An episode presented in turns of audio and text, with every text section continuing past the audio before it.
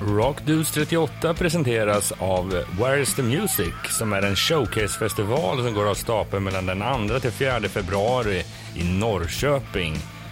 Tanken med Where's the Music har alltid varit att få upptäcka ny musik och att förälska sig i musik du kanske aldrig tidigare hört. I år kommer de att fokusera ännu mer på det oupptäckta. Det där övermänskligt bra banden som bubblar precis under ytan och som snart är på alla släppar. Festivalen arrangeras av FKP Scorpio och eh, vi kan starkt rekommendera er att ta er till Norrköping mellan den 2 till 4 februari. För en liten peng kommer du kunna få riktigt mycket bra musikalisk upplevelse. Några av de större banden som kommer vara med och spela är Magnus Carlsson, Hurula och Thomas Andersson Vi.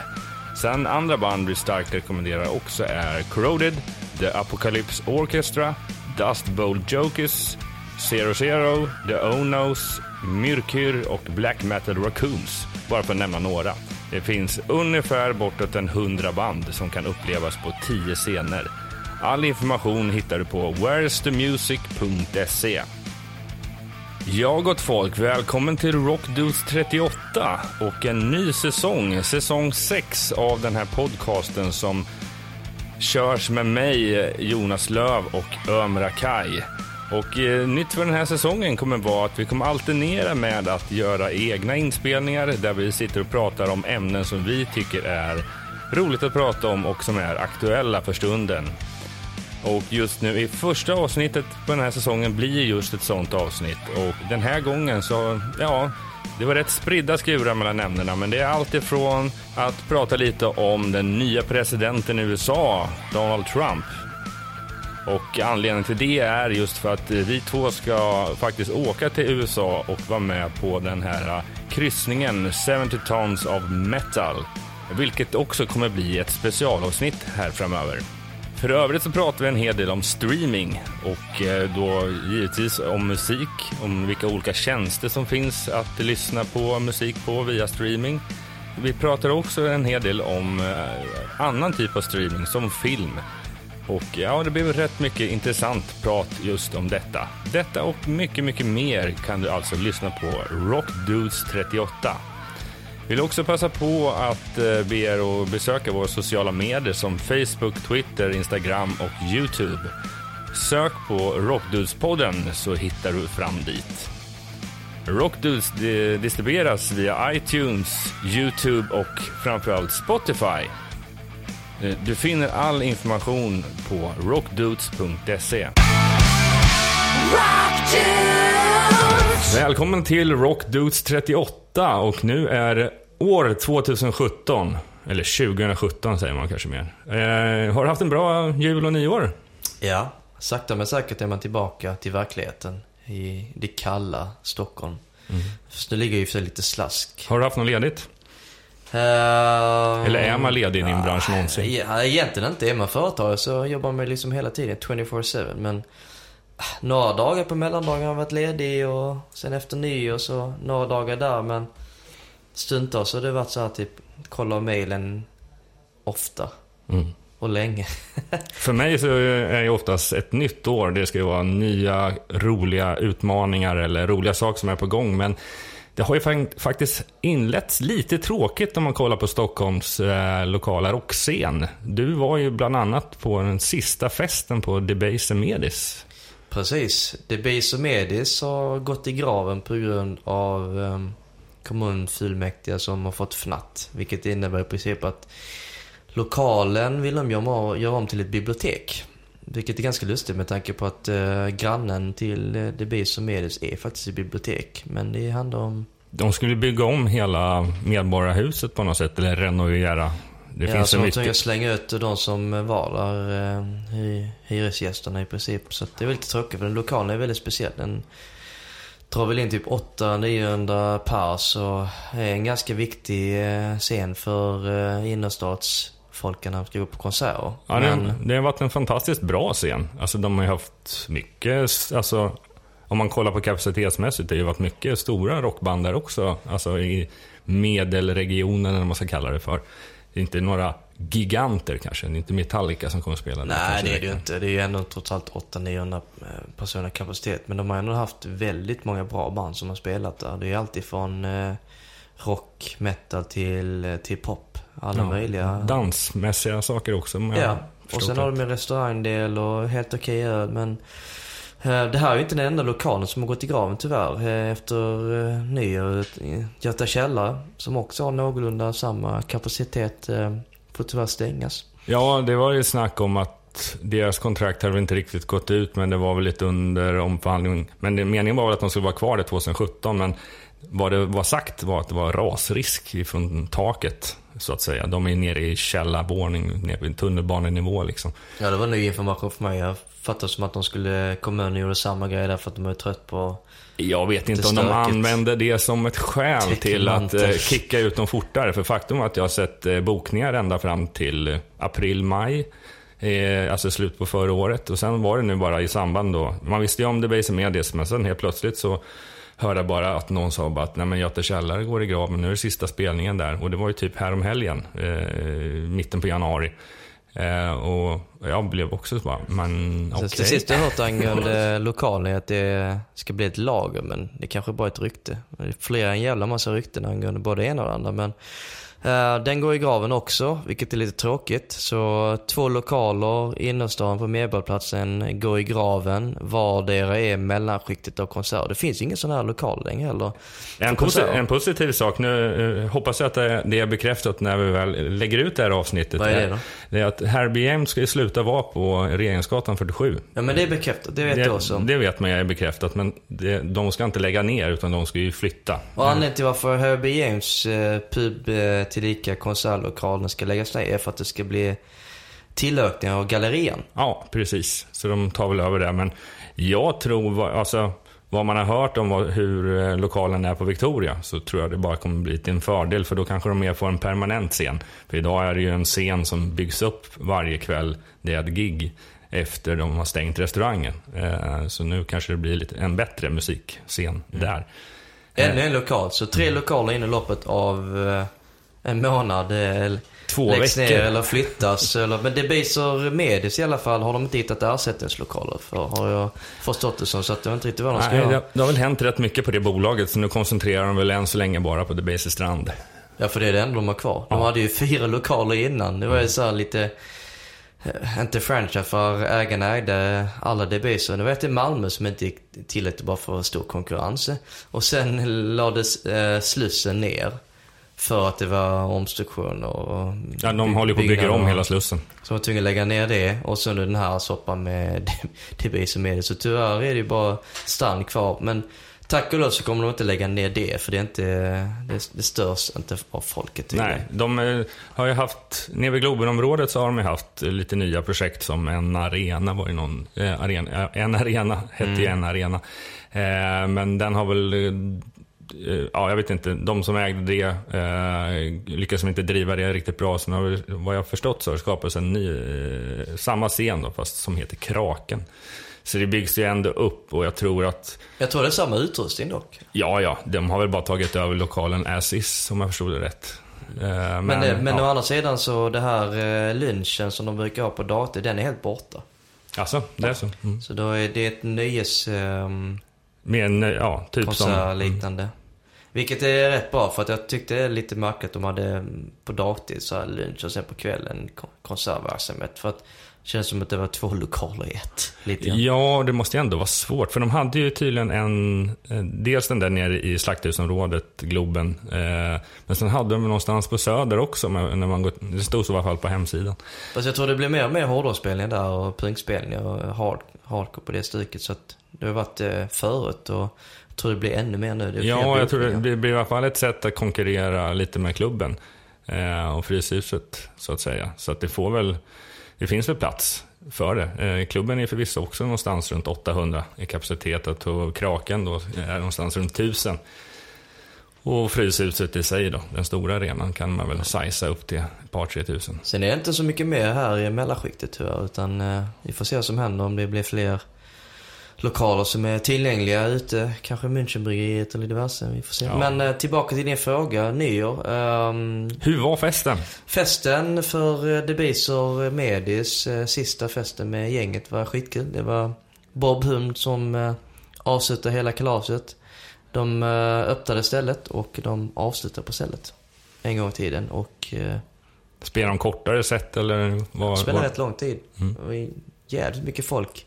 Det roliga var typ att eh, sällskapet jag var med eh, var ju DJ-kollektivet och eh, vi hade svinkul. Och ägarna vill jag minnas eh, sa nu, det här sista kvällen med gänget så de bjöd ju hela DJ-kollektivet inklusive mig så man blev lite slirig. Det var liksom ingen hej på den där baren direkt. Så flaska efter flaska kom in. Till och med en och annan minneslucka menar du alltså? Nej, inte minneslycka. Jag är ganska städad. Jag blir aldrig så riktigt, riktigt tokfull. Det finns ju liksom undantagsfall, givetvis.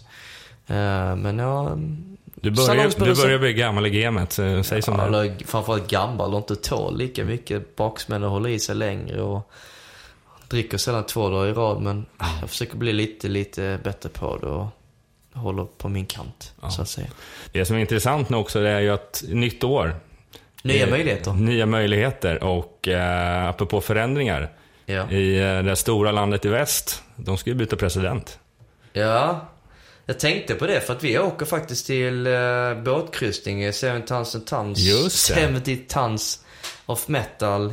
Från Miami till Haiti. Haiti, om mindre, ja nu när det här avsnittet kommer ut så är det kanske En vecka. En vecka. Eh, men när vi spelar in det här nu så är det två veckor dit och uh, den 20 så väljs kongressen in en ny eh, president. Ja, Mr Trump.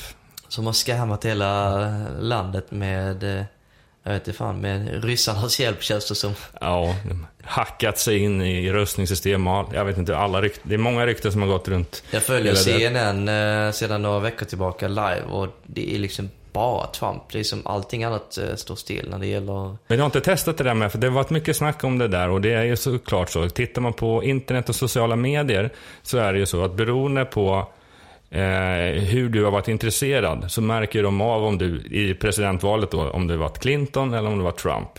Så att då visas egentligen bara nyheter som är prov för dig. Men tittar man på tv-kanaler så är det lika så. Att eh, det finns ju klara kanaler för eh, Trump och det finns klara kanaler för eh, Hillary Clinton. Tänker du Fox då som är Ja, höger? Fox News. och så- Alltså, det finns inte så mycket eh, objektivitet i, på så sätt på kommersiella kanaler. Så att det är väl intressant att se. Och egentligen skulle man titta lite mer på båda de kanalerna för att se hur allting har framställts.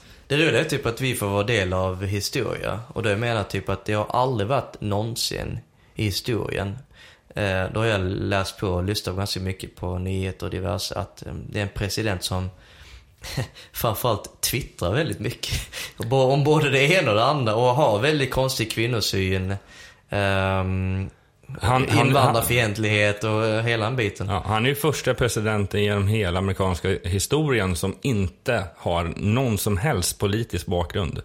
Eh, Och det är jävligt farligt. Eh, Alltså på, med tanke på att han ska vara den som leder landet och stormakt och har ingen grundkoll på politik utanför eh, Amerika så att säga. Ja, det ska bli intressant att se hur det går. Det beror så lite på hur hela kongressen majoritetsmässigt eh, kommer bli över tid. Men det ska bli intressant att se. Han har ju ändå gått ut med väldigt starka grejer liksom. Som nu ska vi bygga en, the wall till Mexiko liksom. Men det är mycket snack och lite verkstad för det är massor av de här grejerna som han har sagt att han ska hålla om han blir president. Har han sagt eh, i princip typ att ah, den här muren, eh, vi får se om, om det blir av i princip. Vi kanske blir stängsel på vissa ställen. Så här, varför skulle Mexiko betala för den jävla muren? Det är liksom, Ja. det gagnar inte dem någonting överhuvudtaget. Ska de betala för någon annans land som sätter upp massa konstiga regler och, och en mur är ju inte så jävla pill över hela liksom. Nej, verkligen inte. Det är väl, eh, det finns väl bra mycket bättre sätt. Det måste finnas mer konstruktiva sätt att se till att den så kallade illegala invandringen från Mexiko eh, regleras på annat sätt. Jag menar, finns det några gränser? Visst, vi har EU i Europa med öppna gränser. Men kollar man mot omvärlden, det finns väl inga murar mot Ryssland till exempel. Ja, det är Eh, bara ett av eh, påståenden som han säger sig ska, ska hålla. Så vi får se om, Ja. Om det blir av i verkligheten. Men det...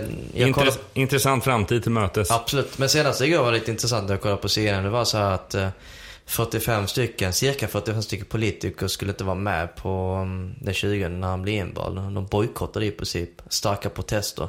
Och sen i vanliga fall, när det här händer i Washington när man blir invald och svär eden och eh, vicepresidenten också så normala fall så är det ganska eh, demonstrationer, typ 6-8 organisationer. Här var det typ cirka 28 organisationer och eh, ett par hundratusen demonstranter som ska protestera för att eh, de känner att liksom att eh, Trump har eh, lurat alla. Eh, och sen vet jag inte riktigt hur det går till. Jag är inte amerikan men kollar man krasst på det så Hillary vann det egentligen valet med 2,5 miljoner cirka fler Ja, det väljare. var ju- Men det är olika delstater så räknas det på något helt annat eh, vis. Olika delstater har olika många elektorer. Ja. Det finns ett totalt antal elektorer. Och sen så eh, räknar man ju majoritetsval i varje stat. Så är det övervägt Trump, ja men då får ju... Det är inte så att man delar upp elektorerna procentuellt, utan att det är svart eller vitt. Den som vinner, den får alla. Och då är det beroende på vilka delstater man vinner, så, eh, så har man en stark fördel av det. Och det är ju det som är det mest skumma med hela det där systemet. Det finns ju väl ingen... Inget smart sätt. Ja, regelverket är ju lite speciellt i USA. Vi ska inte gå in för mycket Nej. på politik och hela biten för. Men ehm, Åsikter det- kan man ha. åsikter kan man ha, absolut. Men det är väldigt intressant att följa och tycker det händer alltid någonting varje dag som går som leder upp till det här. Så ehm, vi följer det här med spänning och ser vad som händer i verkligheten där Ja, ute. verkligen, verkligen. Med det sagt så har vi faktiskt båten som kommer snart så att vi kommer att se vår beskärda del av USA. Eh, I alla fall lite grann. Och lite av Haiti också. Och en jävla massa band, cirka 60 band ska lira på den här båten. Varav eh, Sverige är, eh, jag ska inte säga överrepresenterade, men vi har väl cirka 10-15 band som spelar på den här båten, vilket är väldigt imponerande. Det är alltid från eh, dödsmetallerna Grave till Scar Cemetery till eh, Tyrfing, Ja. Stockholm. Arch, Marduk, Arch Enemy. Arch Enemy till och med. Amaranth. Therion. Amaranth var väl med det lite udda sällskapet i det här, den här line-upen. Det är mycket på- hård metal på den här båten i och med att det är en metalkryssning. Ja, det är inte så mycket heavy metal direkt va? Nej, inte i år. Men eh, det var ju som en av våra förra, eller ja, förra årets gäster, Joakim Kans från Hammerfall. De var ju där förra året. Men det var väl det enda power heavy bandet Ja, i princip. Den här typen av eh, eh, loggor som man inte ser vad det står. Vi vill se vilket, vilket är mycket dödsmetall och black. Det är lite eh, Svensson. Det, det, det är lite, det är lite Svensson-metal. Svensson metal. Och sen har man är lite, såhär, sen har man lite såhär svår prog-metal i form av Avatarium. Ja, det har de. Har vi också. Så det är... Men sen har de lite eh, amerikanska band som jag ser fram emot att följa och se. Det är Devil Driver. Ja, Dying Fetus. Har du sett dem live? Testament. Ja, har jag. Svinbra live för övrigt. så de första gången på um, Sonisphere i Prag 2010. Hur var det då? Eh, och det var precis när vi kom till, eh, till festivalen. Äh, det, alltså jag bara stod helt häpen. Det är så sjukt bra. Det är så tungt och det är right in the face. Så Alltså om man eh, tyckte att Wacken i Tyskland var häftigt så slår ju det här lite, lite bättre. Och tänk dig en festival utan ehm, Lera. lera, regn, folk som luktar synk eh, och det är kallt på nätterna. Här är en lyxkryssning med kan du- 5000 pass. Här kan, du, här kan du bara sätta dig i poolen och kolla på en konsert. Om man vill det. Till och med. Så konceptet är jävligt häftigt Mm. och ehm, båten väger ju 70 000 eh, ton, därav namnet. Um, varje år så åker den från Miami till en destination. Mm. När vi åkte för två år sedan så var det Jamaica. I år är det Haiti. Det är väl någonstans i Karibien-ish. Ja, och eh, hela resan tar ungefär fyra dagar. När man väl kommer till Haiti detta året så är man där typ cirka sex timmar. Sen eh, lättar man tillbaka. All mat är gratis. Det ingår i eh, inträdet.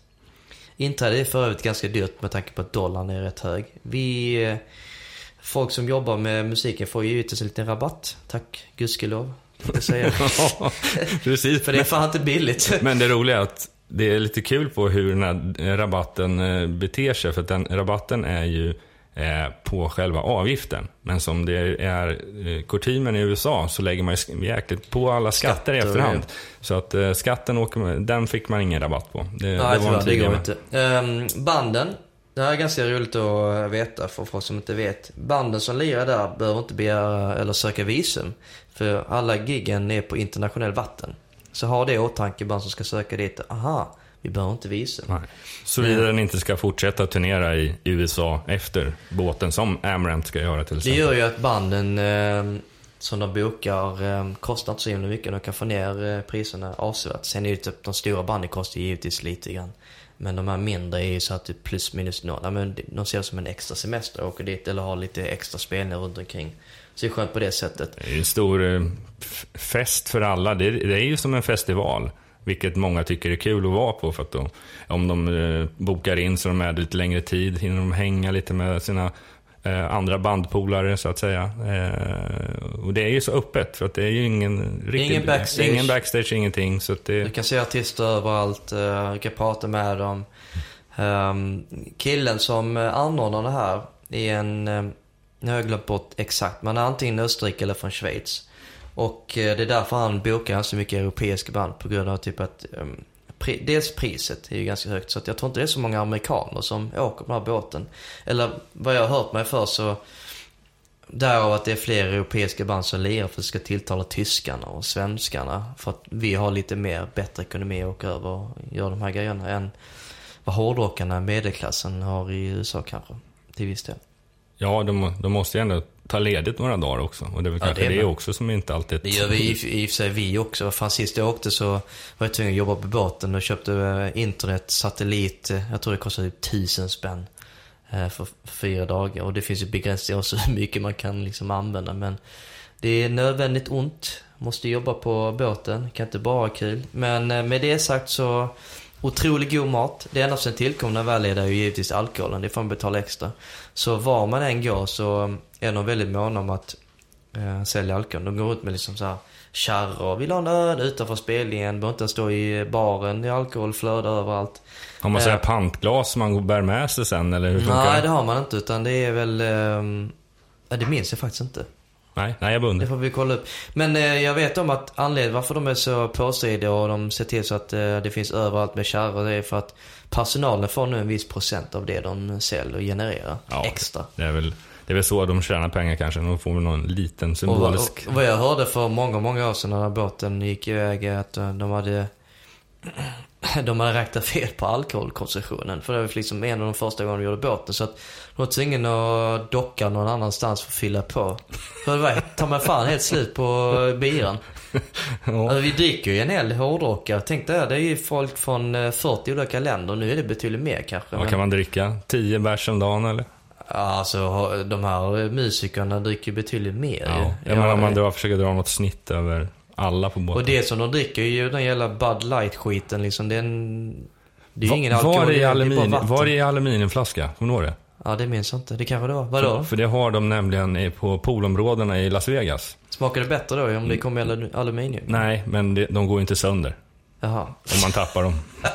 Så det Å andra sidan så det. trillar man kanske ner i poolen med, med biren. Men det är, förutom konserten så har de ju massa olika happenings. Det finns en eh, belly eh, slide, vilket innebär typ att man eh, åker ner för rutschkanan och bästa splash och sånt där. Det där är ju något för mig. Men- Jag satt och funderade på om de hade sån här eh, wet t-shirt competition. Skulle inte förvåna mig om de hade. Ja, De har ju gått ut med någon bild på någon halvnaken tjej. Jag vet inte om det har någonting med, med det att göra. Den Säkerligen. typen av wet Inga, vi har t-shirt inga fördomar här. Nej, nej, men det, det finns ju en massa klassiska hårdrocksgrejer som alltid funkar liksom. Det roliga på båten att det finns ju olika um, um, ställen som man kan gå, uh, inte för privacy, men olika så här titthål och uh, Säg exempelvis det finns en champagnebar. Mhm. Om man är inne på champagne och vill dricka Dom Perignon så har de typ hus i olika, eller om man vill gå till en cigarrklubb. Finns det där också. Så olika koncept. Så, För- så det är någonting, för båten i sig normalt sett har ju massa sådana här sportgrejer också. Ni något sånt? Typ som att man kan spela Alltså jag är inte så jävla volleyboll. sportig av mig, men det Nej. fanns, det fanns garanterat Mm. olika grejer man kunde göra. Det skulle man ju samla ihop. Ett gäng. Media mot hårdrockare. Ja. Och sen är, får man se om man gör på Markvist när folk är bak så har man ju sån upper hand lite grann. Och man kan ju se när man har bäst chans att vinna. Alltså det roligaste jag hade um, på de här spelningarna, man får tänka också typ om man missar bandet en gång så får man en andra chans för de spelar två set. Men spelar de på olika scener då Ja, eller? det är aldrig på samma scen. Så, men det bästa är ju givetvis på övre däck där det är ett par tusen. Och jättevarmt, eh, himmelsblå, eh, massa hårdrockare, folk badar. Det är mitt i natten klockan 12. Man går runt i shorts och tisha och kollar in spelningar och dricker och svinkel. Sen är man ju trött då. kan man ju bara gå ner till hytten och sova. Men oftast avslutar jag, har jag märkt, i eh, mittendäcket där man spelar bort alla sina pengar. Kasinot. Ja. Där hänger alla liksom. För det är nog det enda stället som är öppet till fem på morgonen sex på morgonen. Kan du gå och käka frukost direkt sen? Ja, jag tror jag tog typ pizzaslicer innan jag går och lägger mig. Ja. Eh, Men det är jävligt god mat som sagt och ehm, du kan tänka, du, tänk dig all världens mat på buffén finns där och så byter de det varje dag. Och sen givetvis finns det ju en restaurangdel också om man kan betala för om man vill liksom slippa den här eh, känslan var typ att, ja men jobba hårdrockare eller att det är för lite, jag vet inte om maten är så mycket bättre på de här eh, Man vill ha lite mer klassisk restaurangmiljö så kan man få det Ja. också för en peng. Givetvis. Ja, men den ingår inte. Nej. Nej. Eh, något mer band du ser fram emot att se då? Själv så ser jag fram emot att se Thrasharna Testament bland annat faktiskt. De missade dem senast när de var här i Sverige. Testament är alltid bra. Anthrax går ju ner. Jajamän.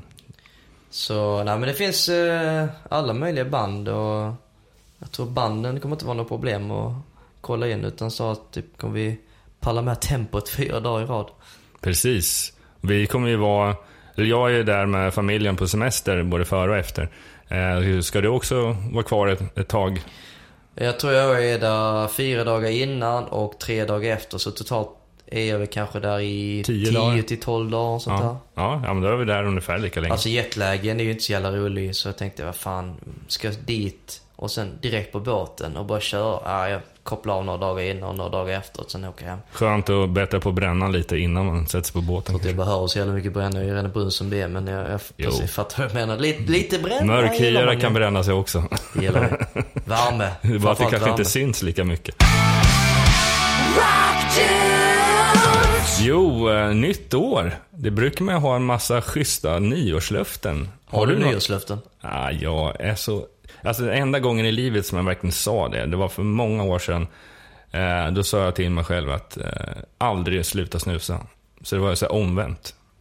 Men eh, nej, jag är inte så mycket för nyårslöften för att... Inte för att jag har dålig karaktär, utan det är bara att... Ja, ja men jag kan skapa de mål, målen och eh, löftena på ett annat sätt än just på nyårsafton. Så, Jag har aldrig fattat det här med nyårslöften. Vad händer om man bryter det? Förlorar man någonting eller åker på straff eller? En av de enda gånger som jag tycker det varit lite kul, det har varit mer så här typ, man knäcker mycket nötter under jul och nyårshelgen. Det är ju sånt som man köper hem liksom. Och det var att om man får en nöt som har en tvillingnöt i sig, då kunde man, då kan man, då kunde man göra en liten tävling om det. Man tog varsin nöt och så kom man överens om att vid ett visst angivet datum så ska vi göra det här. Typ, eh, man ska interagera med varandra. Att, ja, Så får vi en trippelnöt så ska vi ha gangbang eller vad menar du? Eller men, man ska säga någonting. Man ska säga någonting till eh, den andra eh, på ett visst eh, givet datum och kanske ett klockslag till och med. Eh, och den som vinner, då ska den andra ge den andra någonting i form av ett, jag vet inte. Vem, vem har hittat på det här? Är det något du sett ja, och det där är ju en själv gammal eller? familjegrej som man gjorde när man var barn. Då var det lite mer... Ja, jag har aldrig hört. Nej, nej, du ser. Nu har du lärt är något nytt i inte, den här jag är podden inte också. traditionell eh, familj på det Nej, sättet. du är en thai-turk som bor i Sverige. Ja, pappa är muslim och mamma är buddhist så att, eh, det är inte så att vi firar någonting direkt alla gånger. Möjligtvis nyår, men vi har inga nyårslöften. Nej. Men om vi ska ha nyårslöften, ja, jag kan väl liksom infria någonting nu att jag ger mig fan på att jag ska flytta till New York i år, vilket är um, oktober är planen. Nu är du närmare än någonsin, för jag har ju hört det här snacket i många år nu. Jag har sagt att jag ska göra det och jag har sagt att det kommer, men jag har inte sagt att det sker nu. Nej. Men du är du närmare än någonsin. Ja, nu är det ju bara typ eh, mindre än 10 månader dit, så att nu fan är det närmare. Ja, men tänker, men nu är det ingenting som stoppar Som dig. hindrar mig? Nej, nu är det dags. Alltså, nu har jag gjort det här företaget i 10 år och eh, det är dags att flytta över den, eh, det lilla företaget. Och Utvidga på riktigt. utvidga i nya marker. Även om vi fortfarande jobbar där så handlar det mer om att expandera lite grann. Om man ska pratar jobb nu igen. Har du bott någon annanstans utanför Sverige? På det sättet du kommer göra nu? Nej, det, det har jag faktiskt inte. Alltså, det är ganska lustigt med tanke på, jag är ju uppvuxen i Helsingborg men eh, född i Södertälje, fast det räknas ju inte. Så att flyttade ju ner familjen när vi var åtta månader. Så inget minne av Södertälje. Och sen 2004 så flyttade jag till Uppsala. Så jag kom liksom närmare Stockholm hela tiden. Även om jag har jobbat eh, i Stockholm från Uppsala, så jag pendlade en del. Så mellan åren så, jag bodde där mellan oss efter Uppsala-tiden, ett år i Märsta. Och det var ju verkligen pest och pina. Det var ingen som ville hälsa på en. Det låg så långt borta. Är det alltid det när man bor på ändhållplatsen på ett, eh, ja, i det här fallet pendeltåget norrut mot Uppsala. Ja, nu är det ju inte alltid ändhållplats numera, för nu finns det pendeltåg till Uppsala också. Men eh, ja, men jag förstår. Alltså jag har ju haft eh, flickvänner och dejtat eh, och då har det varit folk från Brandbergen, Åkersberga, helvete vilket, eh, alltså nu gnäller jag pendlande så här. Men Åkersberga var ett ganska nytt begrepp för mig för eh, ett halvår sedan. Då var det så här att, okej det är den, det stället som, den hålan som tillhör Stockholm ligger långt borta. Längst borta på stan. Vad fan, det händer ingenting här. Nej, men det är ju typ nästan ändhållplats på ena linjen på eh, den här eh, banan som går ut dit. Vad jag. gjorde man inte för kärleken? Men tack och lov så är Ja. det kransen som gäller numera. Och du bor ju också lite utanför va? Ja, alltså jag flyttade till Stockholm för exakt 21 år sedan.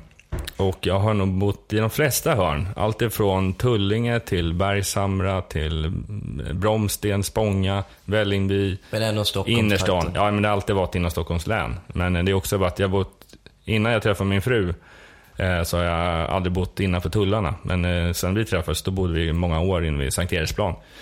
Eh, men numera så bor vi sedan två och ett halvt år tillbaka ute i Spånga. Jaha. Men där är det trevligt va? Det finns ju lite grejer. Finns det pub? Ja, det finns väl en restaurang som man kan klassificera som pub. Eh, har väl inte hängt där så himla mycket, ska jag säga. Det är ju, ja, det har inte riktigt den här stämpeln jag gillar riktigt. Alltså jag trivs jättebra i kransen och om det ska vara lite mer personligt så för tre år sedan så visste inte jag vad kransen var för någonting. Utan det var bara ren slump att jag fick förstahandskontakt för att jag separerade med min dåvarande. Vi bodde i Hägersten. Så att det var så här nära att jag skulle flytta till Hässelby, alltså Hässelby gård. Och det ville jag verkligen inte. Jag Ja, var glad för det kan jag säga. Fy fan vilken ångest det var. Och så bara fick jag den briljanta idén. Nej men jag ringer hyresvärden och kollar. Ja, alltså i normala fall så brukar vi inte ha lägenhet utan allting går till bostadsförmedling och köer hit och dit. Och Jag har liksom ingen kö eller satt upp mig på någon lista och sådär. Men de sa i alla fall, kolla in den här om en vecka, kransen. Gick jag dit då med en liten etta. Jag hade inte så mycket val så att jag, jag tar den. Och det fick jag reda på efterhand. Anledningen till varför jag fick den var för att det var speciella omständigheter. Ehm, Eftersom jag har varit en trogen eh, hyresgäst så fick jag den här lägenheten. Men anledningen varför den var stod tom i två månader för att någon hade dött i den. Så det var likstark som var typ renoverad. Som skulle precis lägga ut den till eh, bostadskön. Så jag fick första tjing. Tack och lov. Fantastiskt. Men det här är ju så här. Så att det här går inte till i vanliga fall. Det gör det inte. Nej, men man har ju hört lite sådana där stories. Eh, för vissa personer som att kommit ny till stan automatiskt. Man har ju inte varit i någon kö. Hur ska man få tag i en lägenhet idag liksom? Men någon har känt någon eller... Ja, det är massa sådana där lite eh, roliga historier runt om att hur de har fått ett förstahandskontrakt. När man inte borde få det. Det är en annan sak om man köper sin lägenhet. Så det är, det är ju bostadsbrist i Stockholm och, um, och de här svartkontrakten, eh, jag har ju hört stories och har fått det bekräftat. Det, det kostar liksom att få svartkontrakt. Alltifrån 100 till 200 000. Det är inte ovanligt för en I etta. värsta fall har man hört talas om nästan upp till en halv miljon, liksom, vil- vilket är ju astronomiska summor. Och det är, inga, det är inga summor om man nu behöver låna de pengarna. Det är inga summor man kan få några bolånsräntor på. Utan det är lite mera eh, sämre räntevillkor. Eller, eh, det här är också lite lustigt. Ehm, jag, har ju, jag har ju dejtat en eh, amerikansk eh, rysk tjej för eh, typ några månader sedan tillbaka. Och eh, hon jobbar i Ryssland och skulle flytta till Stockholm med sitt jobb. IT någonting tror jag det var. Och det är svårt att hitta lägenheter så hon sökte ju på Blocket. Som man brukar göra, som man ska göra i princip känns det som. Så när jag gick på dit så förklarade hon liksom vad som hade hänt. Den var sånt, ah, det var en kille som eh, började väldigt trevligt och ja men eh, det finns massa oseriösa ut, eh, som söker, eller som hyr ut lägenheter. Vi kanske ska byta vår LinkedIn så du ser att jag är en reko kille. Ja visst, ja men då sökte hon ju en eh, etta, hyra någonstans, spelar ingen roll var, det var i Stockholm. För att hon skulle jobba där. Och då började jag så här, skicka en bild och så bara fråga lite, ja men okej. Okay men det här är ju inte riktigt det jag bad om. Var ska jag sova någonstans? Liksom, eh, du sa ju liksom att det fanns ett extra rum. Du kommer också bo där, vi delar och allting. Ja, alltså jag brukar göra så att jag har två olika alternativ. Det ena är typ att du tar rummet som jag har och så bor jag på soffan i vardagsrummet. Okej, bara där tyckte hon var lite märkligt. Eller så kan vi göra en annan del att eh, du kan sova med mig så får du hyra en gratis. Jag bara, vad fan är det här för någonting? Det börjar så jävla bra, du dig för oseriöst och så bara blir så jävla oseriöst i slutändan. Och så bara, fan så hon la ju locket på. Tack och lov hittade hon någon annan amerikanska som eh, var borta så att de fick låna, hyra det i tre månader. Men man ska nog akta sig för massa skumrasktyper där ute tyvärr. Ja, det finns nog hur mycket som helst. Men eh, från bostäder eh, Till? streaming skulle vi prata lite om idag också. Ja, det var ett eh, väldigt kliv, men eh, bägge av dem är ju nöjesaktiviteter. Ja, vi måste återanknyta lite till våra musik. Suttit snöösa för mycket på Trump och eh, festandet och diverse. Nej men eh, streaming eh, är ett eh, kärt litet eh, ämne för dig och mig. Vi, eh, vi konsumerar musik, både en och andra. Eh, jag har ju fyra olika tjänster på min telefon. Jag har Deezer, den franska Spotify-klonen. Jag har Apple Music, jag har Tidal. Och så har jag Spotify. Givetvis. Lyssnar du, eh, är det någon du lyssnar mer på än den andra eller Jag har ju alla fyra för att testa tjänsterna när vi har släpper någonting i form av musik. eh, Så att allting funkar liksom på klienten. Men jag ska säga typ att det jag använder av eh, enkla skäl och att jag är van vid det är Spotify. Men jag är också en sån person som gärna inte byter till något annat. Jag är en liten bakåtsträvare. Ja, ja men... Ja, har du kanske märkt med tanke på kalender och sånt där. Jag vägrar kalender på telefonen. Den ska vara old school. Ja, det ska vara pappers. Och det, jag kan säga att utan att jag nämner det vid namn så brukar jag alltid ha med det och referera till när jag, jag som jobbar mycket med digitala kalendrar, bland annat och mailsystem och sånt där i mitt vanliga jobb. Eh, så tar jag alltid upp exempel att det finns fortfarande yngre människor som är helt old school och jobbar med papper. Ja, du kallar mig yngre. Trevligt, tack. Ja, ja, du är yngre än mig i alla fall. Nej, men det handlar mer om eh, bekvämligheten eh, på Spotify. Funkar det så varför ska man byta liksom? Men jag vet ju om att Apple Music är en jävligt bra tjänst och de har liksom fått i ordning alla byggen och allting. Så att det, finns faktiskt några i, mina, i min vänkrets, och framförallt i musikbranschen här i Sverige, som använder det för eh, eh, Spotify. Mhm. För att de tycker det är bättre. Om jag inte är helt att cykla så tror jag till och med det kanske är lite billigare. Med Apple Music med eh, flera eh, familjekonton och sånt där. Ja, jag har inte helt... Eh, jag kör ju själv eh, Spotify-familj. Eh, för då får man upp till fem, fem konton. Jag tror man får skräddarsy det i ens eget behov. Vad som Jag tror det är marginella skillnader skulle jag nog säga. Men det ligger runt en eh, hundring i månaden. Men eh, streaming framförallt har ju ökat jättemycket. Vi fick ju lite siffror eh, senaste veckan. Och eh, om man lägger ihop alla de här västerländska klienterna som eh, Spotify, Apple Music, eh, Deezer. Eh, Deezer och Tidal. Nu nämner jag inte de här kinesiska som, och ryska som jag inte, och Australien som jag inte känner till. Men de har över 100 miljoner eh, prenumeranter nu. Mm. Och för ett år sedan låg den eh, totala siffran på 65 miljoner cirka. Mm. Så det har gått upp väldigt mycket på ett år. Mm. Så um, det ska bli kul att se utvecklingen ett år till, hur snabbt det kommer... För nu verkligen det går eh, undan. Och då kan man jämföra med något helt annat då. Som ett exempel Netflix.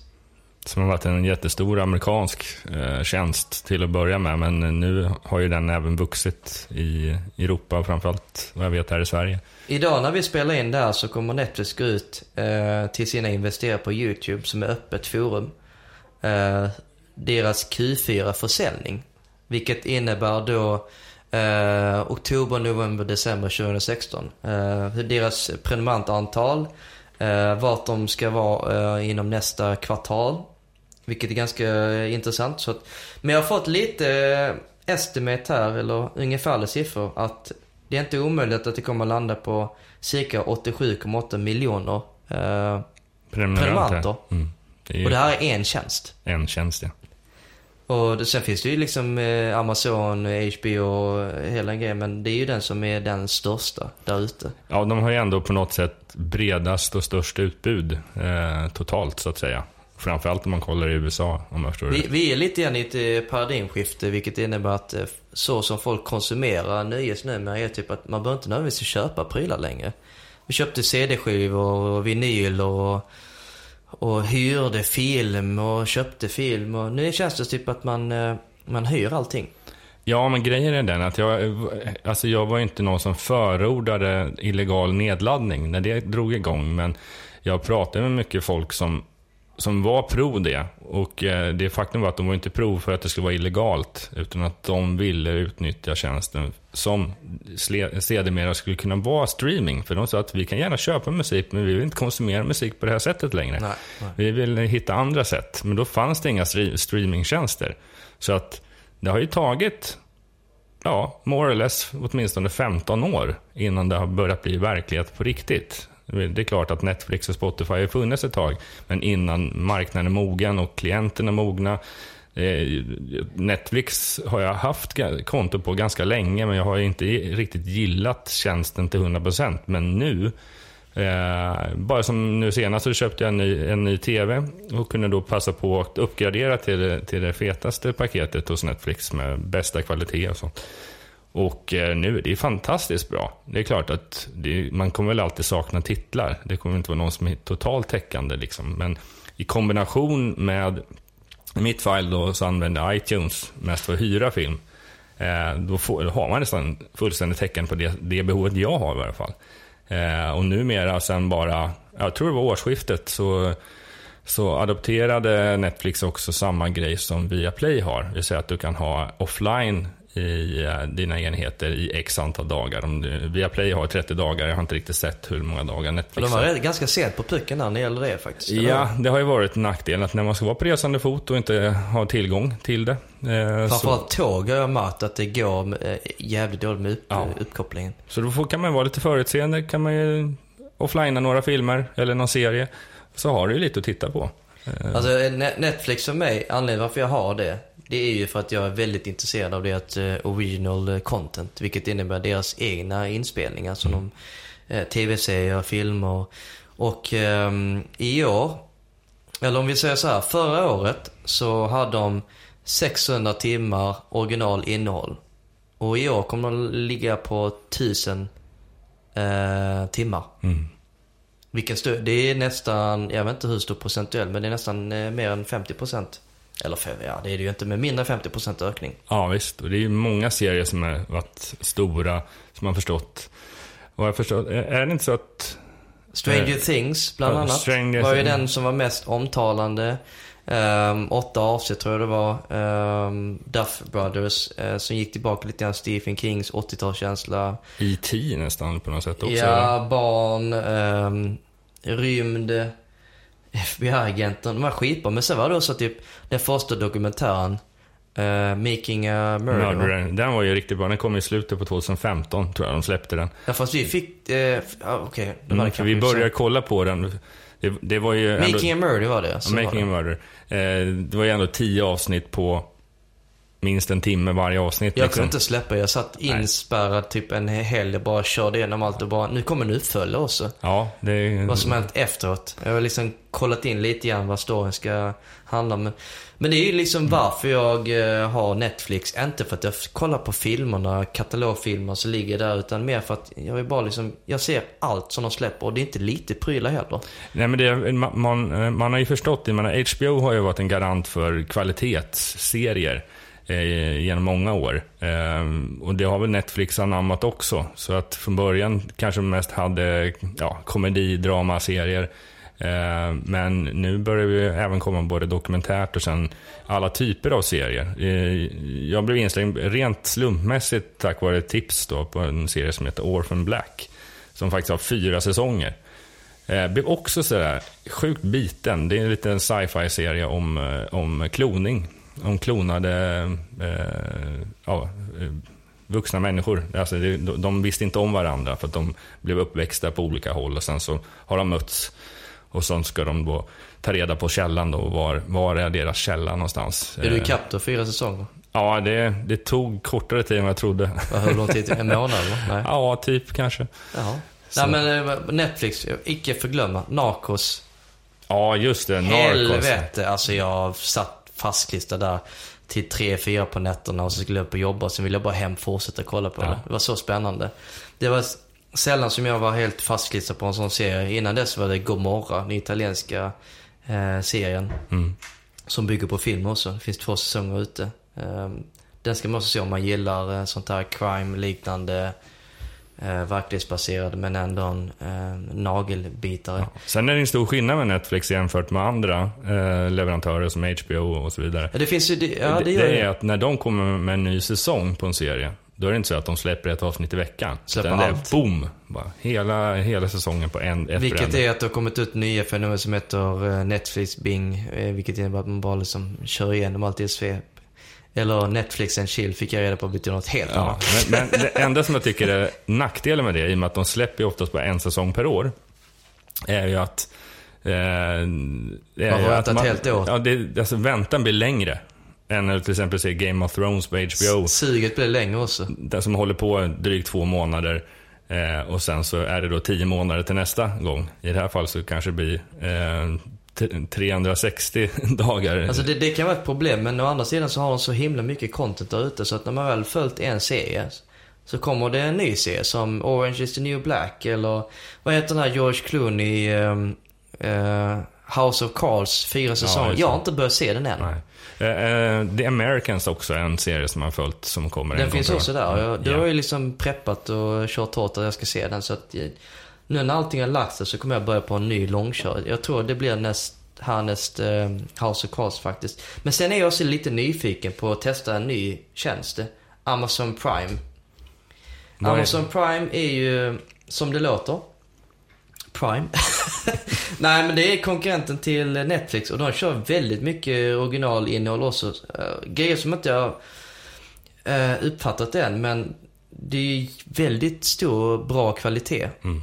Så jag ska nog köpa det. Kostar en gratis månad och sen därefter kostar det typ, om man binder upp sig, en 3 dollar månaden eller vad, vad det var. Men där finns en hel del att plöja så att ehm, jag sk- på nästa podd så har jag nu skaffat ett konto och ska återkomma till er. Mm. Lista vilka man ska följa men eh, kostar det ingenting tre, en månad så ska jag nog testa och Amazon eh, har ju pengar. De är ju fler eh, kreditkort än eh, Apple till exempel. Mm. Ja, det är ju ett... Köpa det är allting på det- Amazon. Ja, jag menar det är inte det är en specifik leverantör av eh, någon typ av tjänst. De levererar i ta mig sjutton vad som helst. på. Men du kan väl köpa allt ifrån accessoarer till filmer till eh, tv-apparater till att hyra virtuella servrar. Och, alltså, de Det, roliga är att eh, killen Böcker. som äger, eh, och nu är det vi försöker investera, vdn säger, han börjar sin, i sitt garage. Mm. Och han är fortfarande verksam och gör massa andra grejer inom företaget. Alltså utvecklar det. Nästa grej är så att bli en eh, streamingservice för film och för musik. Alltså den musikbiten, Amazon har ju redan kommit ut. Jag har ju dock inte testat det men i Tyskland sägs det vara väldigt eh, stort och börjar växa mer och mer. Mm. Det var en period som jag köpte mycket, men då var det mera Filmer ele då. e- elektronik och böcker har jag varit. Också Men nu när dollarn är så pass hög så tjänar Nej, du ingenting på Nej, det. nu, nu gör jag inte det. eh, Just av det skälet. Tullar och skit. Men förr kan man göra lite fynd faktiskt. Nej, fördelen var ju att Amazon finns ju lite utspritt, inte bara från USA, så de har ju distribution även inom Europa. Det är den eh, butiken som säljer mest online inom eh, CD och vinyl har jag fått reda på. Ja, jag kan tänka För mig den det. finns överallt liksom. Mm. Ja, Jag börjar se lite mer och mer, framförallt när ja, svenska artister eh, länkar ut på Facebook och sånt där, när det är internationellt. Då är det oftast Amazon numera. För att, ja, det, allt finns där. Ja, då har vi börjat ta oss mot slutet av det här avsnittet. Det är 17 vad vi har plandrat på mycket här. Slutet gott. Allting gott. Ja, det är alltid så. Jag har ju en eh, kul framtid till mötes med eh, båtresa och sen så har vi massa mer vi kan prata om i kommande avsnitt av podden. Så uh, hoppas att ni tyckte att det här var ett ganska intressant, för vi har ju pratat om allt möjligt, från politik till uh, film, till musik, till kryssning. Ja. Alkohol. Al Men som sagt, finns det någonting ni inte vill att vi ska prata om, och, eller prata mer om, så kom gärna med tips, feedback. Vi är inte svåra av oss. Vi svarar på alla mails. Vi tar emot fanmails. Vi tar emot presenter, mutor. Glöm inte bort det. Nej, precis. Vi finns ju som sagt på alla sociala medieplattformar som Facebook, Twitter, Instagram och YouTube. Och du kan söka på Rockdudespodden så hittar du oss där. Så skriv gärna kommentarer på våra sociala medier så ska vi ta upp de ämnen ni tycker är roligast. Och framförallt också, vi vill ju ha mer eh, gäster i vårt program. Tipsa oss gärna om det också. Rock on! Rock Tack så mycket för att ni har lyssnat på Rock Dudes 38 med mig Jonas Löv och Ömer Akai. Det var ett riktigt intressant program där vi tog upp eh, ämnen som eh, den nya amerikanska presidenten Donald Trump och eh, kryssningen 70 Tons of Metal, vilka förväntningar vi har på den. Eh, sen pratar vi lite om streamingtjänster både inom musik och film såsom Spotify och Netflix till exempel. Eh, men eh, ja, ett riktigt skönt snack. Riktigt, det är skönt att vi har kommit igång med en ny säsong helt enkelt. Så nu kör vi på helt enkelt fram till sommaren. Passa på att besök våra sociala medier som Facebook, Twitter, Instagram och Youtube. Sök på Rockdudespodden. Skriv gärna en liten kommentar om vad ni tycker om det här avsnittet eller vad ni tycker om vår podcast. Vi vill gärna få in tips på ämnen ni vill att vi ska prata om i våra enskilda avsnitt, men även vilka gäster ni vill veta mer om här framöver. All information finns även på rockdudes.se. Vi vill tacka vår sponsor Where's the Music och vi passar på att uppmana er att besöka den här festivalen i Norrköping mellan den 2 och 4 februari. Gingen du har hört under programmet spelas in av Jonas Hermansson, Peter Månsson och Mia Coolheart. Jonas Löv har spelat in avsnittet och eh, den som redigerat är Endigo. Nästa avsnitt, Rock Dudes 39, kommer inom några veckor. Och fram tills dess, rock on! Rock